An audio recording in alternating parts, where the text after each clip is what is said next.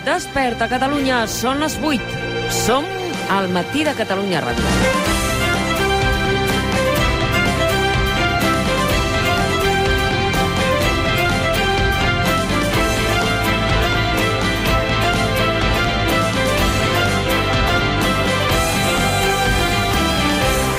Som a Waterloo en el segon aniversari de l'1 d'octubre per entrevistar Carles Puigdemont. Per què? Qui és Carles Puigdemont?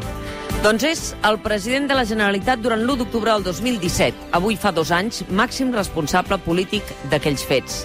És el president legítim de la Generalitat destituït per Mariano Rajoy en aplicació del 155 el 27 d'octubre del 2017 és el candidat guanyador del moviment independentista de les eleccions del 21 de desembre del 2017, que no va ser investit president des de l'exili. Carles Puigdemont és un acusat de rebel·lió fugit de la justícia espanyola amb euroordre retirada per Pablo Llarena després de ser alliberat per la justícia alemanya i ara lliure per recórrer a la Unió Europea explicant el conflicte polític des de fa dos anys.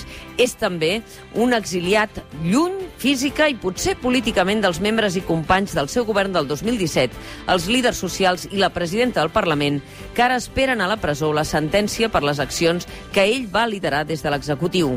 Carles Puigdemont és un actor de la recent anomenada Cimeres de Ginebra per trobar terreny comú entre l'independentisme i legitimitat internacional per defensar-lo. És també l'impulsor del Consell de la República juntament amb Antoni Comín, d'una república que no sabem si avança, avui li preguntarem.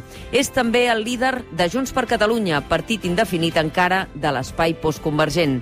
És el cap de l'executiu català que va creuar la frontera perquè va creure que l'única cosa que no podia assumir l'independentisme era més violència i ara es troba que l'Audiència Nacional acusa de terrorisme set activistes dels CDRs i fons de la investigació filtren que el president Torra i ell mateix hi van estar directe o indirectament en contacte.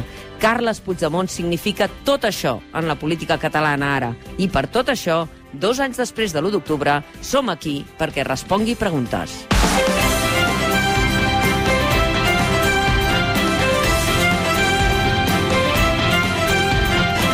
Des d'ara fins a la una som amb vosaltres perquè passi el que passi, volem que aquest sigui un bon dia. El matí de Catalunya Ràdio, amb Mònica Terribas.